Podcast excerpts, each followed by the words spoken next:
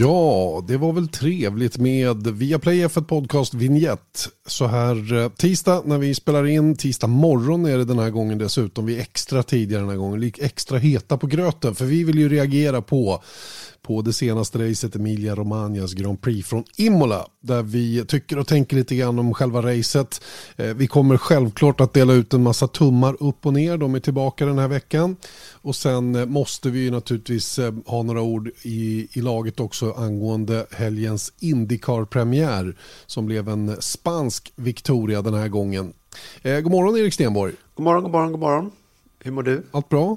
Ja, jag mår toppen ser du. Ehm, jag mår toppen faktiskt. Jag har ju till och med, ja men jag mår toppen kort och gott. Mm.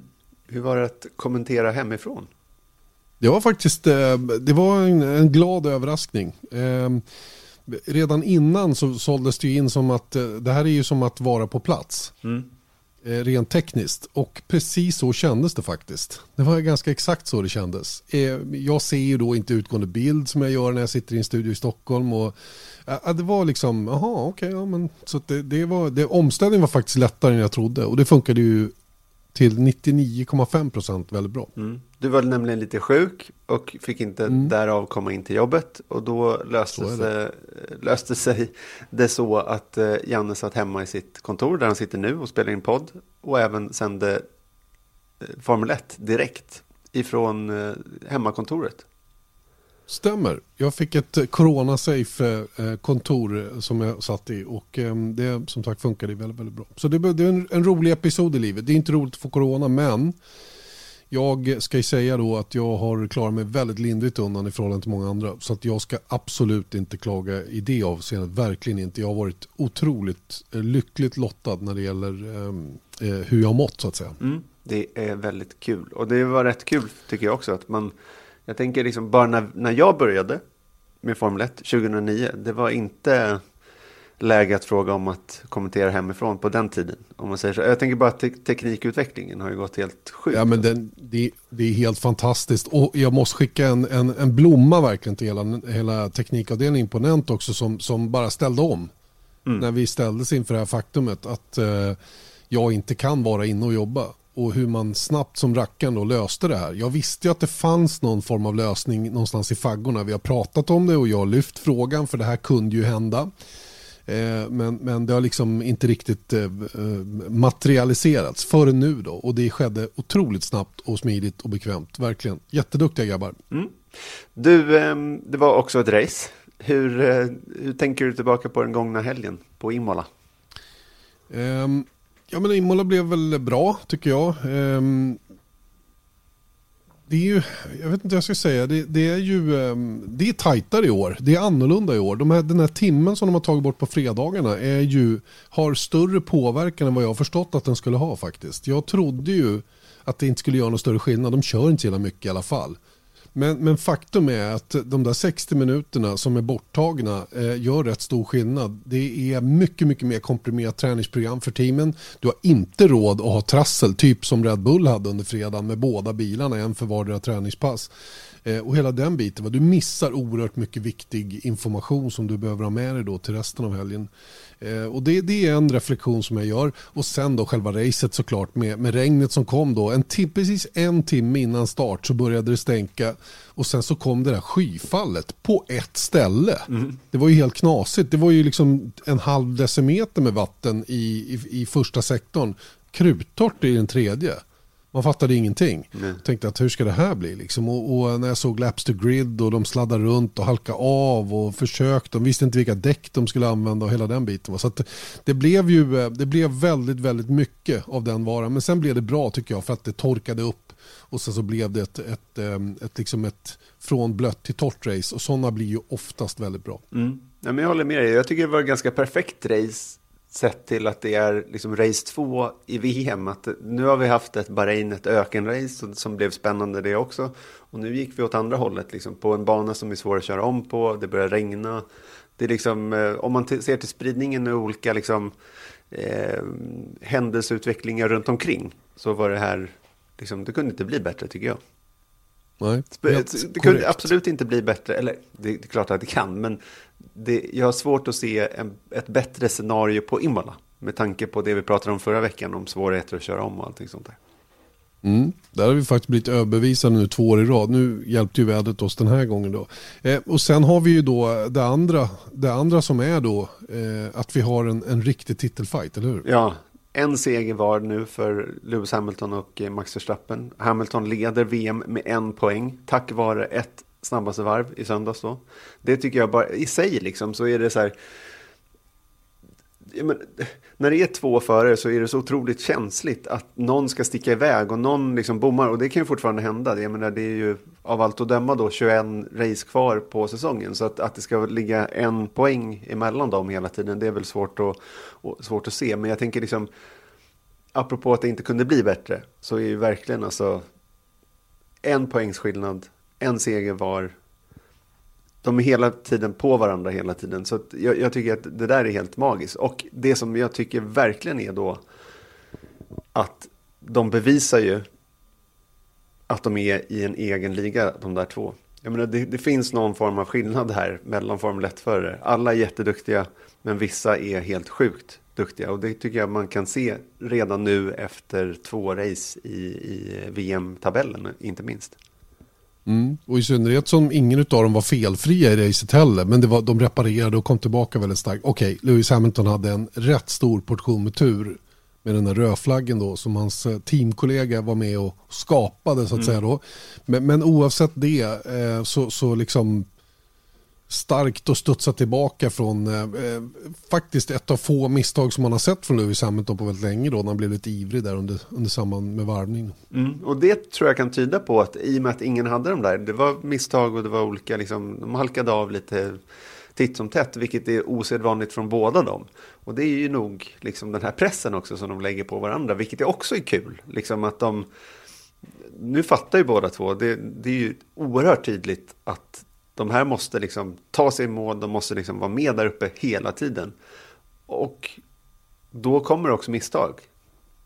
Kanske lite från båda, båda håll. Liksom. Men det, jag tänker också på att om man jämför där med i, i tabellen då att de, de leder ju då eh, Lando Norris har 16 poäng upp till Verstappen då. Eh, som kanske inte ska anses som en titelutmanare, Lando Norris. Vi återkommer till honom om en liten stund. Men eh, Bottas och Perez är 27 respektive 33 poäng eh, bakom eh, Hamilton och, och Verstappen. Och det är över en hel seger redan nu efter två race. Så apropå det där, de är i en egen liga så himla tydligt. Och jag, jag, jag, eh, jag tycker det är riktigt coolt. Det är en ynnest att få se det där. En, en riktig fight nu. Mm. Vet du vad jag får för vibbar? Det är liksom 95-96 94, 95, 96, 94, 95, Hill Schumacher. Mm. Otroligt mycket sådana vibbar. Mm. Eh, även Häkkinen Schumacher då lite senare på, på 90-talet. Samma sak. Va? Det, var, det var två som två stack stycken, ut. Det ja. fanns andra som kunde göra grejer men det var två som stack ut. Och, och, och, precis samma känsla har jag just nu. Prost Senna. Eh, Ja, Prost Senna, ja men det, det, är lite för, det är lite tidigare för mig. Och, och visst, de var, men de var så superöverlägsna mot alla andra också. Mm. Men jag har en starkare, jag har en starkare igenkänning i det här som hände mitten på 90-talet. För det är en väldigt stark period för min del då, i, i starten av det här riktigt stora Formel 1-intresset. Mm. Och jag vill lägga till en grej bara där runt Hamilton och att han hade lite tur, vilket han hade då såklart. Med tanke på att han har precis kört av och sen så blir det röd flagg och det hjälper ju till såklart. Men det, det som jag tänker på, om man jämför honom med Valtteri Bottas, och återigen, jag gillar Bottas som människa. Om det är någon jag skulle vilja vara kompis med i, i startfältet så eh, är det han och Ricciardo. Jag tror att jag skulle, man skulle kunna ha kul med båda de där två. Ehm, men bortsett från det då, så kvalar han in långt ner, åtta va? Och han lyckas inte ta sig upp därifrån. Och med, med en mycket mindre del av racet kvar så hamnar Hamilton nia och tar sig upp på andra plats. Det tycker jag säger någonting också om, om eh, fighting spiriten som finns där inne i Hamilton också. Mm, och förmågan. Ska vi lyssna till Hamilton förresten efter racet? För det var en, eh, en ganska lättad och, och ändå trots bara, bara inom citaten andra plats då, glad sådan. Uh, considering I was facing the barrier at one stage, um, a lap down, etc. So yeah, it was a difficult day. In, in that regard. Max did a fantastic job today, so congratulations to him. And I think um, oh, some really good pace in the in the rain and us catching, but just a little bit impatient maybe um, with the with the back markers and and uh, caught me out. But you know I'm only human, so these mistakes uh, happen, and um, I'm grateful that I was back in the race and I could hunt down uh, and get back to second. That start where you kept it on the outside with Max, you just didn't want to give up that position, did you? I tried, but it was a little bit. It was close, and um, definitely damaged the car. I would imagine through those bumps. Um, you know, the balance was a little bit off, but still, uh, I'm really grateful that it, it held it together. She had a rough time today. You're hanging on to the championship lead. We've got a f- f- battle on your hands with Max this year for the championship. Yeah, definitely. I mean, ultimately, not the greatest uh, day. You know, I started first. Should have should have been first to the end, but um, but you know, these things are sent to test us, and you know, um, got a great battle in our hands. Game on. Mm, game on säger han Lewis Hamilton och det är precis så det är, eller hur? Ja, ja verkligen. Och jag är så, jag är så, jag är så lycklig över det faktiskt. Mm. Verkligen. Eh, och hans motpart då, är väl lika bra att ta honom på en gång då, Max Verstappen, som, som eh, naturligtvis också var ett, eh, ett, ett enda stort leende då efter ett eh, ganska eh, händelserikt race för hans del också. Yeah, well, I mean, it's very tricky conditions out here. Um, but uh, yeah, I think we managed it very well. It's important to get that good start uh, off the line, so very pleased with that. Um, but yeah, very, very tricky out there. I mean, to make the right call to go from intermediates to, to slick tires because you don't want to be the first one. And then luckily, I had a few guys ahead of me who went on to slicks, and I could still see they were struggling quite a lot, even though you know I was struggling on the intermediates. They were completely finished. Um, but I think in the end the team called me in, and I, I, think they did that very well because it was the right lap. Because I went out, the first sector was a bit slippery, but the rest was pretty good. So I managed to get that advantage back. Um, and yeah, after that, of course, it was all looking good. Then uh, Lewis went off the track, so I thought, okay, well, that's going to be easy to cruise home. But then, of course, we had the big crash with the red flag. Um, and uh, yeah, we had to do a restart where I almost lost it. So it, it just show, shows you that uh, it's so tricky out there with cold tires. You know, even in the wet, it's super easy to let's say make a mistake with these cars. But um, I think overall, uh, yeah, we did a good job. So very very pleased with that. That moment when you almost lost it just ahead of the restart, what were you thinking? There's not. it, it happens so quickly that uh, you cannot really think a lot about it. It's like reflexes, and you try to correct as much as you can.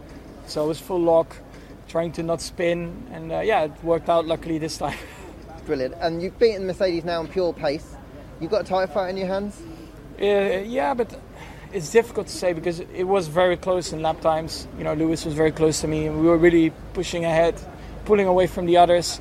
So uh, yeah, it's very close, but it's exciting like that. Mm, en eh, nöjd och glad Max Verstappen då förstås. Eh, några ord bara innan vi släpper de här två. Eh, han är inne på en sak här i slutet då att det är väldigt jämnt mellan Red Bull och Mercedes, mellan de här två. Mm. Eh, och ehm, det, som var, det som man har läst sig till i efterhand är ju att Mercedes hade hela helgen svårt med att jobba upp temperatur i däcken. Mm. Och det här drabbade Valtteri Bottas mycket hårdare än Lewis Hamilton. Kanske på grund av körstil eller, eller setup-val eller vad det nu är för någonting. Va? Men det var ganska tydligt då. Det är väl en av förklaringarna till det som, som du var inne på. Eh, och att regnet då inte gjorde det enklare för dem att, eh, att jobba med den här biten då. Men där, där är det också så att det skiljer ändå lite grann på hur man hanterar de svåra förutsättningarna. Det ska bli spännande att följa nu Portimao Mercedes har ju varit eh, pessimistiska inför att eh, ha samma fart som Red Bull, både här på Imola men också på Portimao som kommer. Och det ska bli spännande att se lite grann hur det kommer att se ut där. För att eh, de tog ju trots allt överraskande pole position från en förstappen som körde över gränsen. Mm. Eftersom man upplevde att han behövde åka så nära gränsen som, för att klara av det liksom. Ja, och jag tänker där på Bottas, han var ju snabbast under träningen och i någon kvalomgång i alla fall va? Och sen så när det kommer till Q3 så det är där han tappade det då. Så att, men jag håller med dig, att, och det var vi faktiskt inne på lite förra veckan också, att så här, hur är det egentligen? Hur långt borta är de? Och jag menar, när vi pratar om övertag för Red Bull, vilket jag tycker man kan konstatera att de har, i varje fall i Max Verstappen, så är ju det minimalt. Alltså. Det är ju inte så att de har så här en halv sekund till godo. Det som vi såg i kvalet i Bahrain till exempel, när han, när han eh, tog pol med nästan fyra tiondelar. Det, det, så är det inte. Och det, Inte generellt, inte generellt. nej, Nej. nej. Och ja, det kommer ju inte vara så under hela säsongen heller, utan det kommer ju vara några banor säkerligen då som, som eh, Mercedes istället har fyra tiondelar på Red Bull. Mm, det kan det absolut bli så på det viset beroende på hur utvecklingen av bilarna funkar och hur länge de håller på. Det var vi också inne på senast. Okej, vi, vi släpper de två då. De två i en egen liga. För nu har vi pratat om eh, Lewis Hamilton och Max Verstappen. Ettan och tvåan i VM just nu. Hamilton en poäng före Verstappen med tredje tävlingen på gång då om lite drygt en och en halv vecka. Eh, vi börjar med våra tummar tycker jag. Det är väl inget att spara på. Nej, det tycker inte jag heller. Och i och med att de är en egen liga så får inte de några tummar, eller hur? Nej, nej, nej. nej. De, är- liksom, de är redan bedömda och klara nu. Så nu, nu tar vi resten. Mm, och då är det ju lätt att ge den första uppåt-tummen till Lando Norris tycker jag. För apropå vad vi skulle hålla ögonen på den här föregående helgen, att Ricciardo liksom inte har råd att släppa Norris, så var väl det precis vad han gjorde, i alla fall vad Norris gjorde mot Ricciardo, eller hur? Mm, det får man nog ändå hålla med om. Och Selling a little or a lot? Shopify helps you do your thing however you cha-ching. Shopify is the global commerce platform that helps you sell at every stage of your business. From the launch your online shop stage to the first real life store stage, all the way to the did we just hit a million orders stage. Shopify is there to help you grow. Shopify helps you turn browsers into buyers with the internet's best converting checkout. 36% better on average compared to other leading commerce platforms because businesses that grow grow with Shopify. Get a $1 per month trial period at shopify.com/work. shopify.com/work. eh, det faktum att Ricardo blev tvungen att släppa Norris i racet också. Talar ju rätt mycket om vilken teamplayer Daniel Ricardo är och hur han inser att han inte har speeden och inte blir så här dumt envis utan gjorde det bästa för teamet och det fick de ju betalt för också. Mm. Nej, men det var snyggt tycker jag av Rickard också. Det var liksom ingen... Eh, sen vet man aldrig tajmingen runt eh, radiotrafiken, men det är ju lätt att minnas en, en eh, situation mellan Felipe Nasser och Marcus Eriksson i Monaco. Eh, där, Mm. Usch ja. där Nasser fick eh, ja, order om att släppa förbi Eriksson, men vägrar och sen så dyker Eriksson in i Raskas och sen så blir det kaos för båda. Liksom. Så att eh, det här är ett mer... Eh, positivt sätt att göra det på. Men, men eh, om vi fokuserar på Norris då, som jag tycker ändå, han är trea i VM nu på, på speed alltså. Och eh, han var ytterst nära på att kvala in front row. Eh, besviken för att han var ju någon decimeter eller två eh, ifrån det där när, när hans eh, varvtid eh, togs bort då för att han var över i Piratella var det va? Mm, Piratella. Eh, men sen så då reparerade han med trea i racet. Eh, och sen höll han emot Charles Leclerc. Hårt alltså. På hemmaplan för Ferrari. Och han höll Hamilton bakom sig väldigt länge. Han klarade inte det hela vägen. Men, men det var nära. Och så att det var ett... Eh, ja, alltså toppenrace för Lando Norris. Helt enkelt. Visst var det det. Och, och den stora frågan efter loppet var ju om han liksom kände att han hade betalat tillbaka då efter den där missen i kvalet då som han var väldigt besviken efter, av, eller över precis efteråt, efter kvalet. uh, yeah, I guess replay the favour for the team, but more more importantly, kind of uh, do myself proud in a way. Um, do like uh, or feel like I've accomplished something. You know, feel like I've I gave it everything, and uh, we did the best we could, and, and definitely we did that today. So. Uh, you know, I, I tried hanging on for P2 as well in the end. Um, Lewis was definitely too quick for us. But um, uh, yeah, I'm definitely a happier guy than, than what I was yesterday, but I think just rightly so. You know, I lost what five position, four positions yesterday because of a mistake, and probably made our race a lot harder today, a lot riskier as well in the beginning with all the spray and everything. So, um, you know, I, I think I have the right to be disappointed and frustrated, but uh, I came in today forgetting that, looking ahead to the new challenges, the new opportunities, and um, and I think that showed. So, uh, yeah, definitely a happier guy today. And you're absolutely smashing it this year. Like, what have you done? What's changed? Uh, I mean, a, a few things. Um, uh, I think the car's suiting me a little bit more. It's I, I didn't. It's not like I've been on it all year, really. You know, qualifying in Bahrain, I, I didn't do a good enough job just because I was driving the car too much like last year and not kind of readapting to this year's car. Um, you know, I was implementing last year's learning into this year, and uh, and um, that wasn't a good thing. Uh, it wasn't a good thing. So it was, it's good that I did that, but um, this car is slightly different, and uh, it didn't like to get driven, or doesn't like to get driven the way it, it did last year. So I've still been learning, and um, I'm still learning that now. And in qualifying yesterday, in the race today, things the car likes, things the car doesn't. Um, and you know, I think the qualifying performance yesterday, apart from the end, was a, a, a highlight in terms of um, the progress from Bahrain to here in just learning the car, unlocking its potential, knowing how to drive it, and it can make a it can make a huge difference. So um, uh, yeah, just the car, me getting along a bit better with it, and um, just working harder, focusing on more areas, trying to make sure every little area is as good as it can be, and um, in the end you get a performance like today. Mm, Lando Norris där alltså som eh, eh, naturligtvis tyckte att han betalade tillbaka lite grann men framförallt gjorde sig själv stolt över att komma tillbaka på det sätt han gjorde då. Sen tycker jag det är intressant också frågan vad han har gjort till i år. Vad är det som, för han är verkligen superstark och jag tycker spaningen förra veckan är så spot on när det gäller honom. För han är lite underskattad trots allt. Va? Men nu vet jag 17 om vi kan underskatta honom längre. Nej, jag tycker inte det längre. För jag, jag fick liksom känslan av det här. Det är lätt att säga nu när man har liksom lite facit i hand. Men jag tyckte, eh, såg du McLarens car, car launch? När de eh, med Ricciardo på Mm, mm. McLaren, McLaren Technology Center. Då sitter de bredvid varandra och då är liksom då, hela förväntningen runt Norris och Ricciardo är att de ska bli liksom ett du vet, sång och dansgäng eh, liksom, som, som ska bara ha så himla kul. Nu går min son till dagis här så att eh, det blir lite Jaha. inblandat. Det är det som hörs. Ja, exakt. Så, att, så här, så, så, ungefär så här tänkte man ju att Ricciardo och Norris skulle liksom uppfattas lite.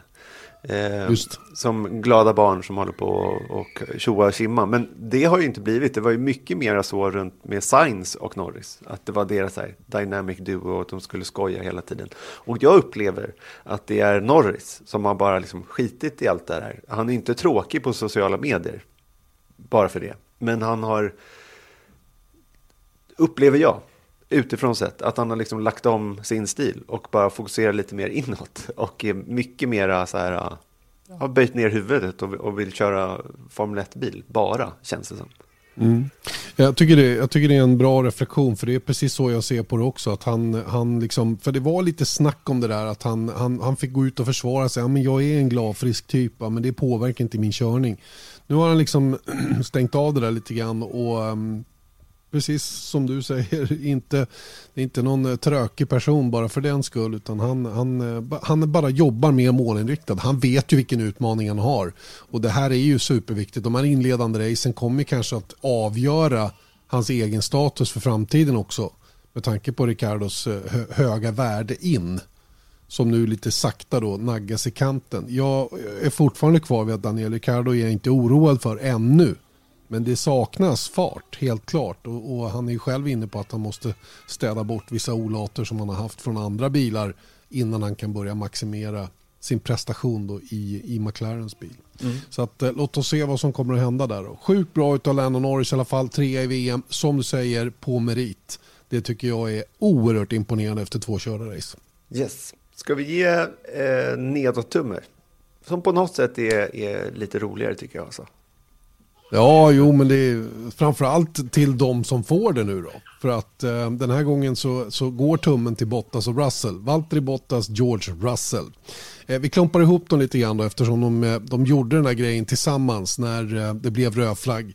Eh, en fight mellan en Williams och en Mercedes. Eh, och, och det är egentligen det som gör att de får tummen ner båda två. Att de, de liksom slarvade bort sina chanser i respektive material, eller hur? Mm. Ja, men jag ser det lite som så att nästan mer än kraschen är, är liksom hur, hur de kom dit på något vis. Eller, och, och såklart då vad som hände efteråt. Då. Men liksom Bottas misslyckades i Q3. Han var väldigt anonym i racet. Och att han ens var under attack från en Williams från början säger mer än själva kraschen i slutändan då, tycker jag. Eh, han skulle inte ens varit där. Jag menar, han Nej. skulle inte varit i en sån position så att han kunde bli attackerad av George Russell en Williams. Det är det jag menar. Nej, det, det är väldigt, väldigt sant. Och eh, man, kan se, man kan se girigheten här i, i George Russell när han med DRS, öppen vinge, upptorkande bana, en, en, ser en helt plötsligt Valtteri Bottas. Hans ärkerival om platsen i Mercedes i en Mercedes och har enligt sin egen bedömning världens chans att köra förbi. Istället för att tänka på teamet och de möjligheter som Williams hade att bärga poäng den här helgen. Exakt, för det, är, det här är en av få chanser som Russell kommer, och hela Williams kommer få under hela den här säsongen. Att ta poäng. Och jag menar, han har, har, han, har han tagit poäng än? Inte i Williams. Nej. Eh, och han tog sig till Q2 och regnet gjorde liksom möjligheterna större. Och det, så är det ju liksom generellt sett då för, för de lite sämre teamen att då kan saker och ting hända. Det kan köra av folk och allting sånt där. Så att de har större chans i regn än, än, än tidigare. Och nu hade de dessutom en helt okej startposition. Och då tycker jag att Russell ska spela the long game. För att eh, han har absolut en del i att båda kraschade. Kanske, kanske, kanske lite mindre skuld än Bottas. Men säg i min bok 40 procent åtminstone. Och nu nollade han och lämnade istället över en, en totalförstörd Williams till teamet. Istället för att komma hem med en, två, tre poäng. Så, så gör han på det här viset istället. Och det, det tycker jag är liksom... Oh. och grejen är ju här att hela efterspelet, och jag tror, återigen tror här, att Russell var extremt sugen på att ta sig förbi just för att det här var Bottas i hans Mercedes, så som han ser det. Och kanske var också Bottas sugen på att hålla Russell bakom sig för att just att det var Russ, äh, Russell. Russ. Ja, det är en fascinerande situation där. Eh, som, eh, som man, man, när man inte, man, vi har ju lyxen att inte vara inblandade själva. Utan vi kan ju verkligen bara observera det som händer och kan då, man kan sitta och dra lite på smilbanden över hur det är ju en jätteallvarlig krasch, misstolka mig rätt här. Men, men, men man kan dra lite på smilbanden ändå över situationen som har uppstått här. Hur två förare som båda är otroligt livegna just nu, Mercedes. Båda är, har ju Mercedes som arbetsgivare. Eh, De jagar i princip samma plats i Formel 1 och sen kommer de ihop på banan på det här viset. Eh, Russell drog av byxorna på Bottas i Sakir förra året i en omkörning i S1 på baksidan där. Nu fick han chansen, dessutom i sämre material. Jag är helt inne på din linje att han, han blev helt enkelt för girig i den här situationen. Och sen Eh, Sen så ju, har vi ju nästa steg i det här då, den här eh, affektsituationen som uppstår efteråt. Eh, Bottas i cockpit drar upp långfingret mot Russell som då innan förmodligen har vrålat några väl valda ord. Bottas säger själv han hörde ingenting, han kunde ha spelat fiol. Det, jag hade inte fattat någonting i alla fall. Men han förstod så mycket i alla fall att han drog upp långfingret.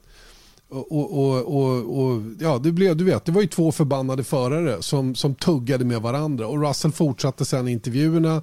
Bottas var ju lite mer återhållen där. Russell fortsatte ju ändå liksom att och, och, va- antyda då att så här kör man inte och vi får en gentleman's agreement, bla bla bla, hela den biten. Och eh, därför så blir det ju extra intressant nu då när vi läser på hans sociala medier då en, en ganska lång och välskriven ursäkt där han då eh, tar tillbaka sitt beteende. Eller han, han, han menar på att det var inte hans stoltaste eh, tillfälle i livet som han, eh, som han då levererade i söndags. Nej, och jag menar han är eh, då ordförande för Grand Prix Drivers Association sen eh, en kort tid tillbaka.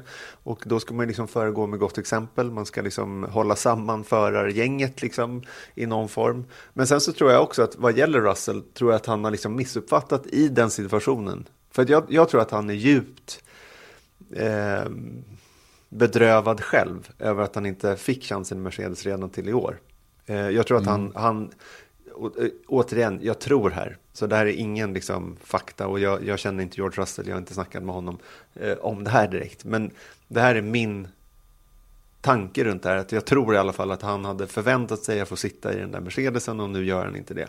Ehm, och då tror jag att han har liksom missuppfattat sin egen allians med Toto Wolff och Mercedes. Och det, det, jag menar, det har hänt mig också, att man tänker så här att ja, men, du och jag är kompisar så att jag kan, vi kan prata illa om den här killen men det visar sig att du är jättebra kompis med honom också. Och då blir det liksom, det backfires helt enkelt. Och jag tror att det är lite så han har i adrenalinstinnheten börjat så här, ah men vad fan, du vet, för han har inte i ens en tanke på att han ska, kan få mothugg här. Men det han gör är ju att han, han baktalar ju så att säga en av Toto Wolfs förare som han är teamchef för. Vilket gör att Toto Wolf sitter i en omöjlig situation. Han kan ju inte inte försvara Bottas oavsett vad han tycker och tänker om det. Han måste ju göra det utåt sett. Och det tror jag att eh, jag tror mycket av den här ursäkten som kom från Russell handlar om just det. Att han bara oj, okej, okay, jag fick inte riktigt det medhållet. Jag istället hotar eh, Toto Wolf med att sätta mig i Clio Cup istället. Eh, ja, men han får ändå köra vidare. Ja, det är klart. Det är som Alban. Han fick åka, han fick åka DTM ja, och Russell fick åka Den jämförelsen är inte långt borta. Alltså. Verkligen inte. Nej. Nej. jag, är, jag är fascinerad över allt. Jag tycker det är lite fränt. Jag, jag sitter och funderar på om det är så att Toto ringde till Russell och sa du lillpojken. Mm.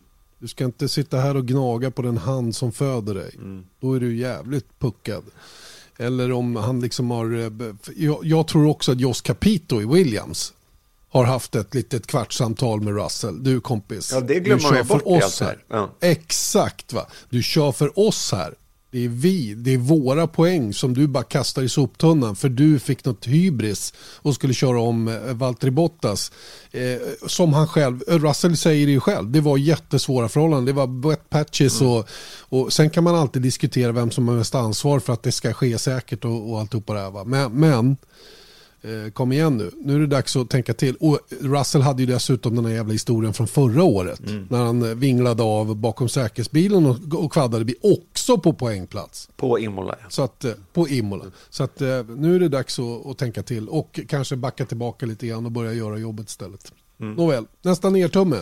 Sergio Perez. Vilket är lite synd, mm. för att när han kvalade in som tvåa då kände jag mig liksom nästan lite sprudlande glad för att det var någon som hade knäckt den här gåtan runt den här andra, eh, andra Red Bull-bilen. Eh, och nu skulle han liksom verkligen ta fighten till Mercedes och allting sånt där. Eh, men så blev det inte. Och därför tycker jag, oavsett att han kvalade in tvåa, så tycker jag att han ska ha en nedåt-tumme. Mm, den får han och han gav den till sig själv också. Eh, jag hörde radiotrafik efter loppet, han fick lite tröstande ord från teamet men I drive, today I drive like an idiot. Mm. Och eh, det säger han alltså själv. Eh, jag kanske inte går så långt men han körde slarvigt kort och gott. Han hade alldeles för bra läge för att gå i mål som trettonde och eh, det duger helt enkelt inte. Va? Sen ovan eller inte. Jag frågade Björn det under sändningen i helgen. Hur länge får man vara ovan vid bilen? Ja, två, tre, kanske race eller någonting i den stilen. Va?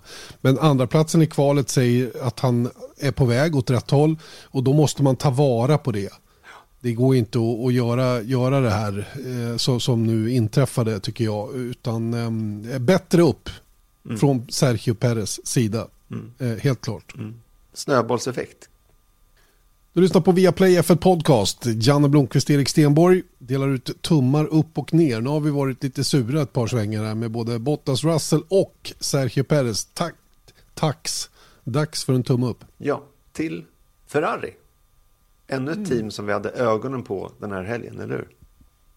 Ja, så får man väl ändå säga. Det var ju absolut inget felfritt race, eh, vare sig från Leclerc eller Sainz. Framförallt Sainz som också på radion sa jävla idiot, hur många misstag ska jag göra liksom? Mm. Och, och eh, hans ingenjör sa ja du kör lite för fort nu, dags att eh, backa tillbaka lite grann. Och det gjorde han sannoliken. Eh, och både han och Leclerc lyckas komma hem med bilarna fyra och femma, vilket är fantastiskt bra för att vara Ferrari idag så att mm, säga. Va? Mm. Det, det, är klart att det är sämre än vad de egentligen vill vara. Va? Men de, de spöar Mercedes i konstruktörs-VM och jag menar, det var länge sedan. Mm. Just den här helgen spöade de Mercedes i konstruktörs-VM. Mm. Ska man lägga ja, till. Ja, ja, men det är ju. Absolut, och, och det här tycker jag, så, apropå Sergio Perez som vi precis pratade om, så var det liksom hans, han hade ju liksom, det började i starten för honom, att han började liksom åkte av, tappade position, snurrade av, halkade av bakom safety caren, körde om två bilar som hunnit förbi under tiden, fick tio sekunder. Alltså det var bara, det hände saker hela tiden. Och det är lite det du säger där också, att för Leclerc och Sainz så var det lite liknande grejer. Det var något mindre saker så att säga och mindre allvarliga saker. Men de liksom, ändå så lyckas de hålla i. och ta de här fjärde och femte platsen, vilket är liksom, jag tycker det är ett jättekul fall framåt. De är fortfarande liksom uppenbarligen bakom. Men det, jag tror ändå att så här, de, jag har inte räknat ut dem för resten av säsongen. Jag säger inte att de kommer ta massa segrar och, och slåss om VM i slutändan, men, men ger det till halva säsongen så kanske de kan, liksom, om möjligheten eh, dyker upp så kanske de kan ta en, några pallplattor och kanske till och med en seger eller två. Mm. Det tror jag går lite långt för jag tycker det blev ganska uppenbart nu i slutet. Ja visst om det är omständigheter så kan de leva. Men, men det, det, blev uppenbart här i slutet av racet både för McLaren och Ferrari att de har ganska långt kvar innan de är på nivån där Red Bull och Mercedes är med sina bästa bilar. Eh, och egentligen ska vara med båda sina bilar i, i teamen. Va? Så att de, de har liksom ingenting att sätta emot när den Hamilton kommer bakifrån. Det, det är bara en tidsfråga innan de blir passerade. Men eh, det som, är, det som ändå är uppmuntrande är att Ferrari har gjort de här stegen. Nu är de, nu är de med och slåss om tredjeplatsen i konstruktörs-VM. Eh, de kommer att få en hård fight med framförallt McLaren. Eh, och, och det, den, den ska bli kul att, följa vidare. Och sen tycker jag en sak till eh, värvningen av Sainz till Ferrari har ju lyft teamet totalt sett och det leder oss in lite grann på nästa tumme ner. Mm, exakt, och den får Sebastian Vettel. Och jag försökte ju genom en joker i förra veckans avsnitt att kanske liksom var Bahrain en, eh, bara en konstig helg och han, han hade inte kört bilen tillräckligt mycket och bla bla bla. Men nu tycker jag att under de här två första helgerna som vi har sett honom så har han inte ens liksom, han har inte ens blixtrat till något varv eller två. Och liksom, jag, jag får ju känslan av liksom att om Fettel hade varit på en restaurangmeny så hade man liksom, hans smak hade beskrivits som att liksom slicka på ett fönster. För han är så jäkla borta och liksom, det, det, det händer ingenting runt honom. Nej. Nej, men det, det, så är det. Precis så är känslan runt omkring det. Men jag konstaterar en annan sak. Det här teamet har ju ingen koll på någonting just nu. och eh, det, det kan jag tycka är mer oroande att det är så ostrukturerat som det ser ut att vara från utsidan i alla fall i Aston Martin för närvarande. Eh, strul inför start på båda bilarna och det blev bestraffning och, och regnet hjälpte ju inte till. va och sen en Vettel då som, som naturligtvis inte är bekväm i sin nya miljö nu och ett team som dessutom då har drabbats ganska hårt av de här nya regeländringarna som de själva är irriterade över. Så jag kommer till det strax. Och, och, det, och det är ju saker som bidrar till att en sån som Vettel då ser kanske ännu blekare ut än man i själva verket är. Men det, mm, det har definitivt inte börjat bra och det är ju någonting som han eh, själv också konstaterar. I think we, uh, yeah, it was some good time in the in the car, but obviously in terms of results, not much. What do you guys need to do to improve? Uh, well, we need to do a better job in a lot of areas. Obviously, we had uh, issues with both cars uh, this uh, before the race started. Um, so yeah, stuff on our side, and then uh, we just need a bit more grip all around to get in a better place. Are you starting to feel a little bit more comfortable with the car, or is it just still just generally quite tricky? Um, a little bit, but today was so many things happening and going wrong, so probably not the best benchmark.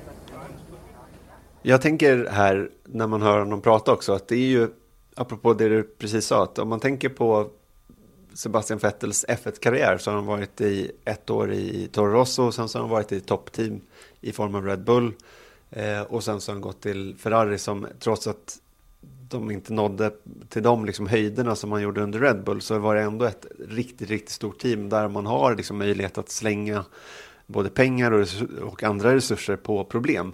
Här helt plötsligt så är det nästan första gången i hans karriär som han kör för ett litet team som dessutom har gått fel eller har fel koncept på bilen helt enkelt jämfört med, med fjolåret som där det såg väldigt, väldigt bra ut för då Racing Point eh, nu Aston Martin då. Så att jag tror att det där kan också vara lite så här mycket att, att, att vänja sig vid för eh, en Sebastian Vettel, fyrfaldig världsmästare. Mm. Onekligen är det på det viset. Och eh, det leder oss in på nästa tumme ner då som faktiskt går till Ottmar Safnauer teamchef i Aston Martin. Som, I, som du gillar väldigt mycket. Ja, inom parentes Lawrence Stroll kanske. Ja, alltså ge oss din bild så ska jag fylla på. Ja, jag tycker att det senaste veckan då, när Ottmar Safnauer går ut i media, så får jag, han är en av mina favoriter. Jag tycker de gånger jag har pratat med honom har han varit väldigt så här, ödmjuk och schysst och jag tycker när man intervjuar honom så är han väldigt så här uh, vältalig och välvillig framför allt då. Eh, men nu så känns det som att han har en foliehatt på sig Eh, för att det, det, är ju tydligt att Aston Martin då påverkas negativt av de här regeländringarna. Då pratar vi då om det här minskade golvet och att de sitter med en, ett bilkoncept som är så kallat flat rake då. Men nu ifrågasätter han att förändringarna var på liksom säkerhetsgrunder, vilket de var då. Eh, att man behövde sakta ner bilarna för att Pirellis däck skulle hålla i praktiken då. Väldigt enkelt förklarat. Eh, och att det då istället handlat om att Formel 1 blandats i det här för att komma åt Mercedes och Aston Martin. För att liksom sakta ner dem. Det, det var enda anledningen till att man tog bort den här golvytan då som man gjorde till i år. Och det där är ju alltså en svår fight att vinna. De, de flesta är ju Alltså, jag skulle säga att 99% av opinionen runt Formel 1 och även folk inom Formel 1 är glada över att det blivit så jämnt. Och Mercedes har väl kanske nämnt någonting att de, är, att de tycker sig lite, att de här regelförändringarna är riktade mot dem. Men de har inte klagat rakt ut. Och alla team var ju överens om att gå tillväga på det här viset. Att ta bort golvyta för att minska downforcen totalt sett på bilarna. Och det var någonting som alla team fick skriva på då. Ehm, och det är ju självklart.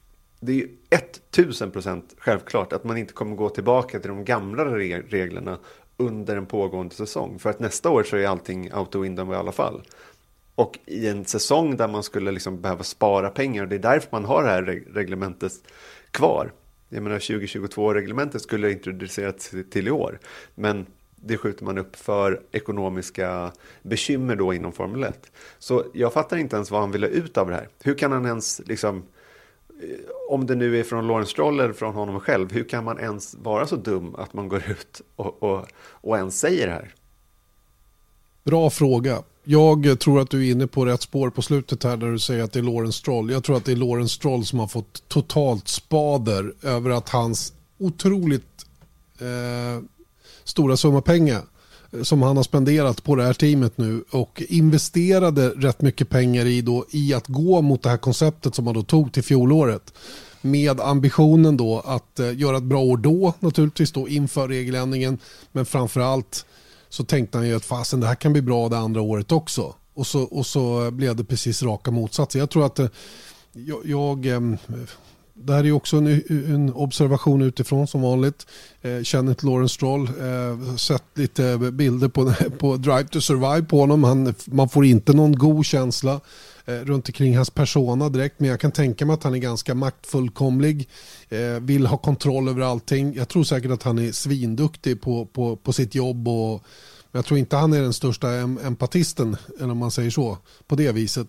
Och han har helt enkelt skickat fram Ottmar Safenauer att ta, ta den här diskussionen som blir då direkt löjeväckande skulle jag säga. Att ens lyfta frågan. Eh, Christian Horner var ju eh, lite diplomatisk och sa det att eh, jag tror att de är en aning naiva, sa han. Ja, men det, det är, och det är ju lite det man aning. känner. Det är helt, det är helt ja. bisarrt. Alltså, jag kan, mm. jag kan liksom varför ens gå in i en fight som det är absolut säkert att han inte kan vinna det? Och vad, liksom, vad är endgamet här för dem? Ja, det är ju ingen, mm. det är ingen, ja. det är ingenting. Böj ner ja. huvudet istället och, och, och, och sen, tyck vad du vill. Och, du kan ju tänka, tänk också hur de uppfattas då. När de, eh, de kom ju faktiskt fram till den här rosa Mercedesen på ett sätt som dels blev de bestraffade för det. Mm. Och dels var det, är det ju fortfarande många som, som undrar över hur det gick till egentligen. Lite sketchy var det ju. Med hur de fick tillgång till en Mercedes och kunde kopiera den så, så, så exakt. Eh, och, och sen då så blir det, äter de i, får de, vad heter det, sura rönnbär då till i år när, när det där inte funkar på samma sätt som de hade planerat. Mm. Så att, nej, det, blir, det blir fånigt. Eh, vi, ska, vi ska gå vidare. Vi lämnar Ottmar Safferna stackaren. Han, han får kämpa på där. Jag, jag är på din sida när det gäller honom. Jag tycker om Ottmar Safferna. Det är en bra gubbe. Han, är, han, han stannar alltid och pratar. Han är liksom så här... Han ignorerar den inte. Nej. Och det gillar jag. Även alltså utanför officiella sammanhang. Det, det är en, en god egenskap som jag ser det. Ja. Ovanlig i Formel 1 dock. Ja.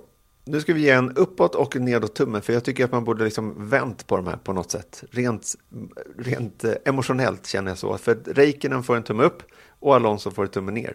För jag tycker Kimi var grym, framförallt i söndags. Han låg där och eh, skulle eh, haffa sin nionde plats och ta två poäng, vilket var länge sedan. Alfa Romeo hade möjlighet till det, men blev då bestraffad för sin omstart. Jag kommer inte exakt ihåg vad det var han blev ja. bestraffad för. Han, halk, han halkade väl av, tappade en position och tog tillbaka den positionen, vilket man inte får då. Mm. Och då får man en 10 sekunders stop and go straff då. I, I Kimmys fall så blev det ju då efter målgång ett 30 sekunders tidstillägg då, vilket är motsvarigheten till ett 10 sekunders stop and go. Ja, och det gjorde då att Alonso kunde ta en poäng. Ehm, mm. Och det tycker inte jag att Alonso, jag tycker Alonso var lika ogrym som, som eh, Räikkönen var, var grym.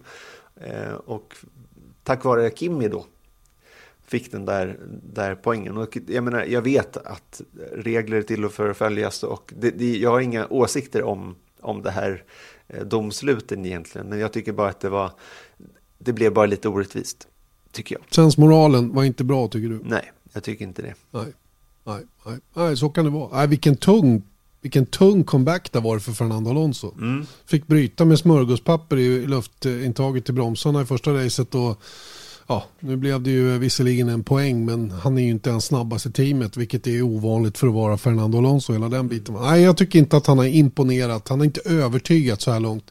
Nu tror jag i och för sig inte att han är jättestressad än så länge men, men kan nog bli på sikt.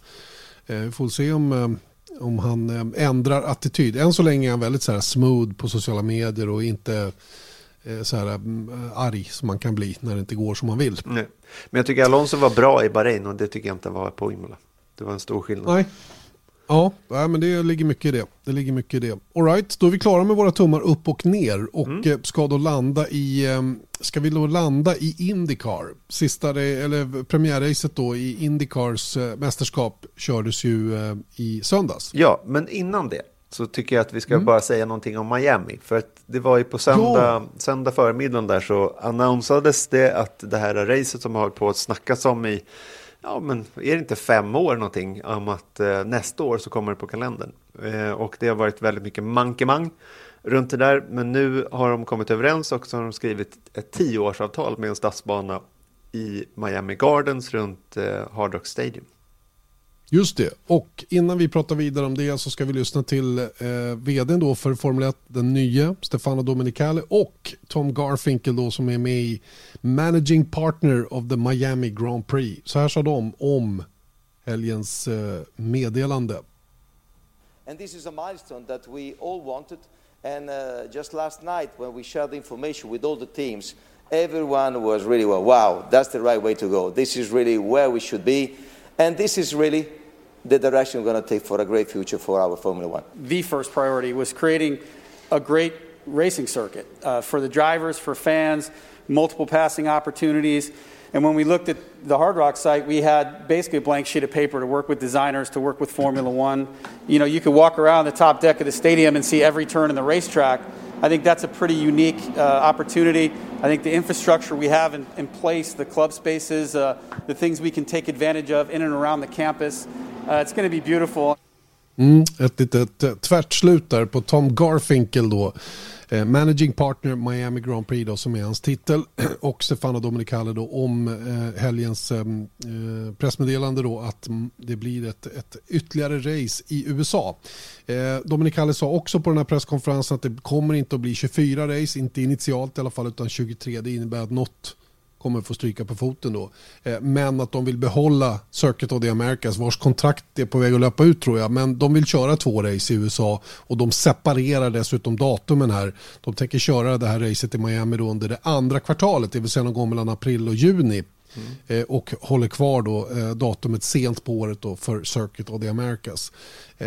jag tycker det här är ett det är ju ett kul besked, eller hur? Miami, det är ju en ball stad och vi, vi, som, vi som har förmånen att få åka emellanåt tycker att det här är kul att, att få komma till Miami. Ja men verkligen, och eh, det här är ju ett led i den här strategin som, som började då när Liberty tog över Formel 1 var att de ville skapa, istället för att åka till avkrokar som eh, ja, men spa, till exempel så ville man även då för att bygga liksom fanbasen som, som kanske serier som Drive to Survive skapar då att man vill liksom ta ut det till folken för att, för, så att göra det tillgängligt för fler helt enkelt. Och då vill man göra det så kallade destination races. Att man inte bara åker till ett ställe för att åka ut på landet och titta på en racerbana utan att man ska få, eh, man ska liksom bygga in, i ett Grand Prix ska hela, hela staden byggas in någonstans. Eh, och det gör man ju såklart då med Miami för jag tror att det kommer vara väldigt mycket grejer eh, runt det här racet och, och eh, jag menar events och eh, det, det, vad ska man kalla det? Lite mer så här amerikanskt sätt att, att tänka i form av att eh, det här ska vara kul liksom för hela familjen. Även om det är en i familjen som vill åka på, på Formel 1 så ska inte resten av familjen säga nej för att man åker till ett, ja men återigen, ett regnigt eh, eh, spa. Du får, inte såga, liksom. så, du får inte såga spa mer nu. Nej, exakt. Men folk. säg så här att en, en, eh, en regnig gammal flygbas i mitten av ja. England till exempel. Då... Ja, ja. Jag hör vad du säger. Jag hör vad du säger. Eh, och sen tycker jag att Tom Garfinkel säger någonting fränt där uppe på top deck då inne på Hard Rock Stadium så kan man alltså se alla kurvorna på banan. Det är ju rätt coolt ändå att det finns en sån möjlighet och de kommer att göra det här till en, till en, häftig, eh, eh till en häftig arena så att säga då. Eh, jag och Björn, vi är ju först i världen med att ha sett banan. Mm, exakt, i varje fall. Innan den var, innan den var klar. Ja. Sanning med modifikation kanske, men ni var i alla fall på, vi på var, plats vi var utanför Hard Rock Stadium 2019 redan mm. i, på hösten där och eh, tittade till vad som ska bli banan och eh, det är ju en parkeringsplats, herregud, det kommer att bli helt, det är helt platt. Mm. Och det kommer att bli lite Sochi-varning över alltihopa. Men det kommer att se bra ut och jag hoppas att de får till en bana som kommer att funka någorlunda och, och hela den biten. Sen, sen visst, vi kommer inte att se några några um, flamingos och, och, broar över vatten och sådana grejer. Va? Men, men um, ja, det är en, det är en Säg härlig det, del i alla fall. De, de, har ju byggt eh, Disneyland i Florida också så de kan nog bygga ja. till lite flamingos där också ska vi se. Så är det. Så är det. Apropå Florida då Erik. Mm. Ska vi prata Indycar som faktiskt kör i Florida kommande helg. Vi har ju dubbla anledningar att prata Indycar. Eh, dels var det premiärhelgen då eh, i, nere i Alabama Eh, på Barber Motorsport Park. Eh, och sen har vi då race 2 då, kommande helg nere i St. Petersburg i Florida just en bit utanför Tampa.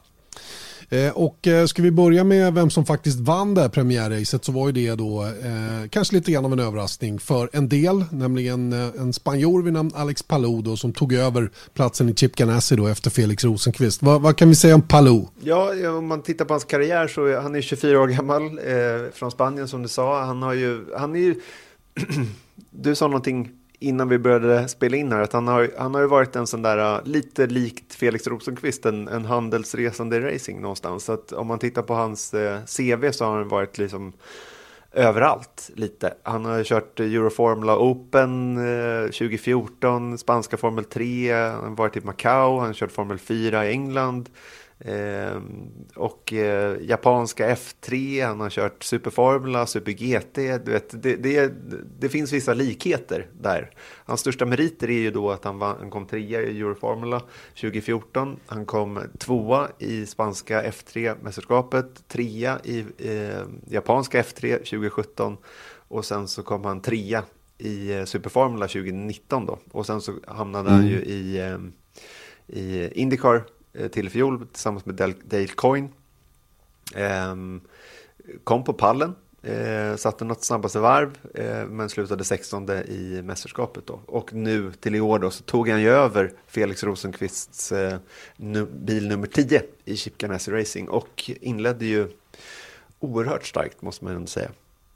Ja, det var en övertygande körning faktiskt rakt igenom från Alex Palous sida. Mycket, mycket eh, värdig vinnare av det här första racet där han alltså blev snabbast i teamet. Då. Han eh, straffade ju då sjufaldige mästaren eh, Scott Dixon som eh, fick nöja sig med tredjeplatsen med Will Power då på en andra plats. Det om slutresultatet kring pallen. Eh, det stora, det stora eh, intresset har ju ändå tilldragit sig runt Marcus Eriksson. Vad var det egentligen som hände? Startade sexa, eh, hade bra häng på de där två teamkamraterna. En fjärde plats fanns i påsen, kanske till och med eh, fart för att nå pallen. Mm. Eh, och, och, hela den biten. Va? Det är ju mera eh, en spekulation, men fjärde plats absolut. Eh, och eh, det blev ju inte riktigt som det var, var planerat för deras del. Då. Till att börja med så är ju racet i Barber en klockren trestoppare. Det, det går inte att klara det på två stopp om det är ett normalt race utan en massa gulflagg. Eh, nu blev det gulflagg av eh, rätt må många varv i början då med den här stora kraschen redan på första varvet. Så att eh, då öppnade sig tvåstoppsfönstret så sakteliga. Och då bytte man plan från plan A till plan B och bestämde sig för att gå över till en tvåstoppare då. Eh, eftersom det då när det väl blev på det viset var det snabbaste sättet. Det går inte att köra in ett tredje depåstopp rent fartmässigt vilket det visade sig för både Pat Ward och, och Alex Rossi. De, de halkade ju bakåt. Ehm, så att eh, en tvåstoppare var det och eh, första stinten eh, var okej okay för Marcus. Ehm, grainade lite grann i slutet av den men hade ändå häng på Dixon när de gick i depå första svängen. Tappade dock en del tid i det stoppet. De krånglade lite på ett framdäck och dessutom lite fighter med Paginot när han kom ut på banan igen. Gjorde att luckan fram till Dixon och Power hade vuxit upp till sju sekunder ungefär. Eh, men Marcus körde på, fick direktiv från teamet hur mycket bränsle han kunde använda och körde efter de siffrorna helt enkelt. De har ju en ingenjör som räknar på bränslemängden då för att det skulle räcka för det var tight. Det var riktigt tight. Man klarar bara 30 varv. Mm. I, no, i, i, i, i, alltså med viss bränslesparande eh, så är det 30 varv utan att man tappar för mycket fart så att man blir omkörd lätt som en plätt. Eh, och Marcus körde på de siffrorna som man fick men tyvärr så visade det sig att teamet räknade lite fel på mittstinten så de blev tvungna att ta in Marcus med 31 varv kvar att köra. Det vill säga de räknade fel på ett varv. Mm. Palou och Dixon körde ytterligare ett varv innan de kom in så de hade ju det lugnare. Och vi pratar alltså 3,5 liter ungefär. Mm. Där kring. Men Eriksson var tvungen att komma in och direkt så såg de ju sitt misstag och det blev ju till att köra fuel saving. För att tjäna in 3,5 liter bränsle på 30 varv är närmast omöjligt utan att köra så långsamt så att man inte, det blir liksom spel mot ett mål för de som jagar. Eh, men Marcus hade inget val, han var tvungen att åka och hålla igen. Eh, de fyllde ju i så mycket det gick men de var ett varv kort. Så enkelt är det bara. Och det hängde alltså ihop med att de hade räknat lite galet på hur mycket Marcus hade behövt spara i mittstinten. Mm. Så att eh, det var det som ställde till det och det var därför det såg ut som det gjorde. Det blev ju väldigt märkligt när de andra två fick köra fullt och han fick sitta och åka och hålla igen och massa teorier om att det skulle vara teamorder och sådana prylar. Det var det alltså inte fråga om överhuvudtaget utan en, en, en misskalkylering bara ifrån teamets sida som är lätt att göra i hastigheten tror jag. Och det här måste de ju dock lära sig av nu för att inte det här ska upprepas igen för det här är ju ett ödesdigert misstag. Det är mycket poäng som de ger bort. Mm, verkligen, alltså en fjärde plats mot en åttonde plats. Det är liksom, åttonde det är helt okej okay, men inte att tappa det på inte det sättet. Inte sett i förutsättningarna. Nej. Nej. inte sett i förutsättningarna för Marcus var snabb. Han tyckte om bilen, var skitsnabb på svart, svarta däck, har verkligen gjort framsteg rent generellt på, på, på allting start, position, allting. Va? Det borde ha blivit bättre. Va? Normalt har vi tagit en åttonde plats alla dagar i veckan, va? men inte i söndags. Mm. Så det blev, det blev lite tråkigt. Det var synd faktiskt för att eh, det, det såg bra ut, riktigt bra ut. Ja. Ska vi titta på Felix Rosenqvist så tycker jag att det var... Det, det, här tycker jag är lite så här... Jag ska inte säga problemet med Indycar, men jag tycker att det, det, det som är lite synd är hur lätt det är att tappa iväg en helg. Som kanske är så här... Man har inte råd med ett enda misstag. Nu var ju den här att han körde in i, i räcket in i, ehm, ja, under träningen då in i depån. Det var ju det var ju synd om man säger så. Men jag tänker just på... Ja, det var det. Ja, men det, det, det, det, är ju ett misstag som inte borde hänt, helt mm. klart. Eh, men, nej. men sen på kvalet tycker jag att, här, att om man halkar av, eh, när allting är så kort, jag förstår att de har byggt in de här uh, instrumenten då för att hindra för att, att eh, stoppa varandra från att göra precis, tidigare. Mm. Precis, för det är klart mm. att när, när Rosenqvist kör av och det skapas röd flagg och, eller, eller gul flagg, då, då förstör man ju för alla andra. Men jag tycker att det är lite synd på ett sätt också att man händer ett enda misstag under kval, då är det rökt. Liksom. Mm. Eh, sen klart att man kan ta sig upp i Indycar från långt bak på griden, men jag tycker att det blir lite för ödesdiget någonstans. För att det är klart att man, man vill ju samtidigt att, att förarna ska ladda. Eh, men oavsett så, så var det ju det som hände, att han, han halkade av i kvalet och därav fick han starta 22 och jag menar, långt bak i fältet så kan sånt här hända. Eh, men, men det är ju synd med tanke på då hur snabb McLaren-bilarna såg ut att vara i händerna Mm. på, eh, på Pato Ward. Så är det. Och ehm, ja, man blir ju som du säger exponerad när man startar långt bak och det var ju Felix den första att erkänna också och dra verkligen lärdom av det här, precis som man inte visste det innan.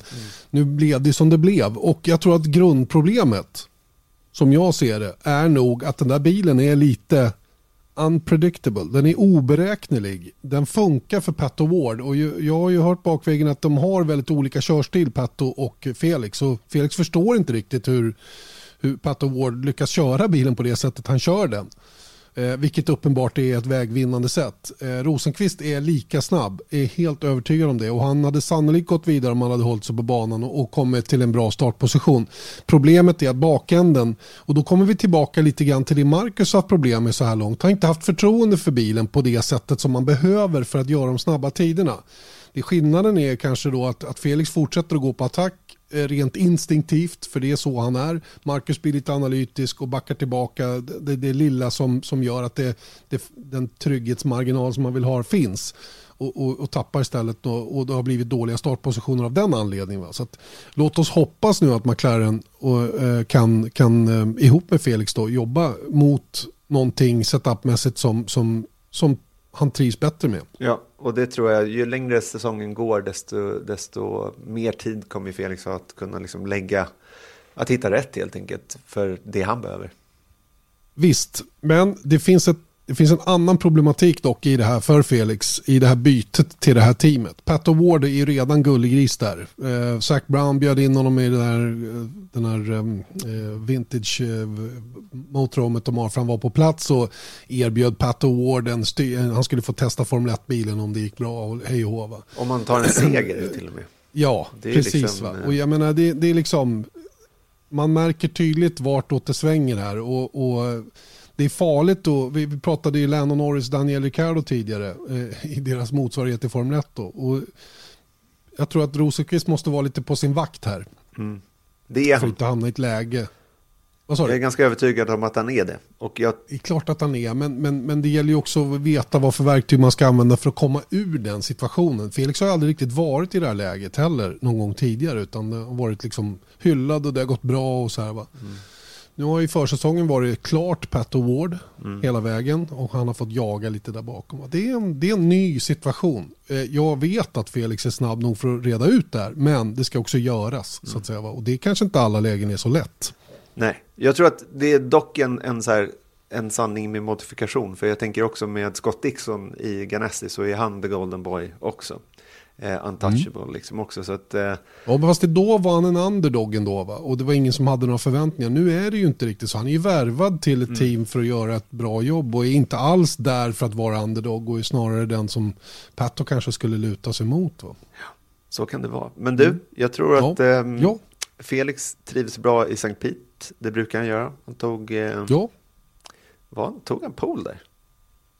det gjorde han väl inte. Han fick starta, ja det minns inte det nu. Du tänker på 2019. Ja, nej, det var inte, det var på um, Indianapolis Road Course så tog han pole i alla fall. Men han startade väldigt bra i alla fall och han var i ledning där eh, 2019. Och, I sitt första race då i Indycar 2019. Ja. Men förra året var det lite tuffare tag. Eh, Då, då var det ju lite batalj mellan svenskarna också. Det var lite ont blod där. I alla fall mellan fansen mer än det var mellan Felix och Marcus. Men då var det lite bilboxning där. Vilket var ovan. Vi är ovana vid sånt. Vi är ju svenskar. Det är ju, vi är ju artiga och trevliga personer. kompisar. Eller, eller hur?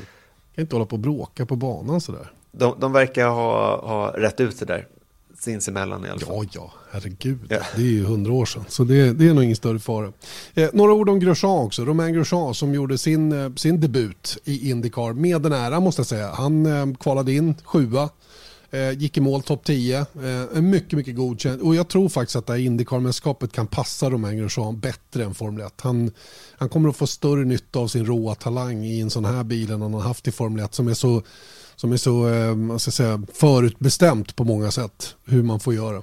Precis, och jag tycker faktiskt att det, det är imponerande att kvala in sjua med tanke på, jag menar det har inte varit mycket körning, alltså testning. Eh, jag tror båda svenskarna hade en lättare mm, ingång i, i Indycar eh, när, de, när de klev in 2019, för det var lite mer tester, det var inte lika mycket pandemier igång på, på den tiden.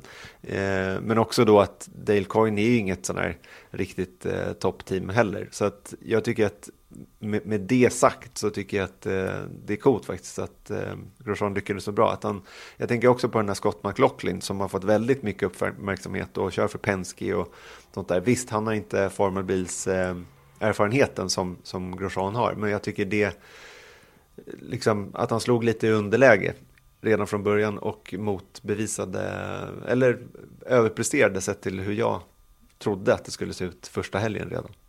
Mm, mm.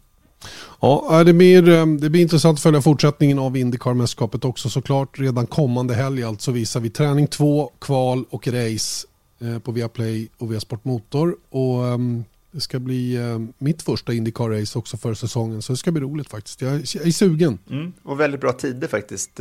Kvart i fyra börjar träningen då på V-sport Motor och Viaplay. Följt av kvalet då 19.45 på lördag och sen så racet redan klockan 18 på söndag kväll. Så får, man for, får, jag for, får jag fortsätta sitta hemma? Det får vi se. Bli frisk du så. kan, börja, kan börja med att testa, testa negativt. Ja, exakt. Men vi du, börjar där. vi är alla glada över att ja. du mår bra i alla fall. Ja, ja, ja, ja. jag är starkare än någonsin. Mm. Starkare än någonsin. Eh, apropå det eh, så har vi Mange Andersson, vår fotograf, han var ju på Imola. Han jobbar ju för att komma hem nu då. Mm. Det, det verkar så... lite krångligt. Ja, det är inte så lätt att resa nu för tiden. Så han just nu fast i Bologna. Eh, men... Ja, men nu, jag tror han är incheckad nu så är på väg hem. Ja, men... Om jag har uppfattat det hela rätt. Just det. Så att eh, det, det ser väl okej okay ut. Men eh, ja, det, det är bökigt det där med att man måste ha aktuella tester inom vissa timmar och rätt sorts tester och sådana saker för att bli ombordsläppt på flyget. Ja, och all, olika regler i olika länder också. Så det är det som är svårt att hålla reda på. Men eh, han kommer nog mm. hem innan han behöver åka igen vi. i alla fall. Det hoppas vi. Eh, vi kommer också hem med en ny podd om en vecka igen, nämligen nästa tisdag. Och då summerar vi ihop andra racet i Indycar, men framförallt snackar vi upp det tredje racet i Formel 1, nämligen Portugals Grand Prix på Portimao. Tills dess, ha en fantastisk vecka. Vi hörs. Ha det gott. Hej då. Hej då.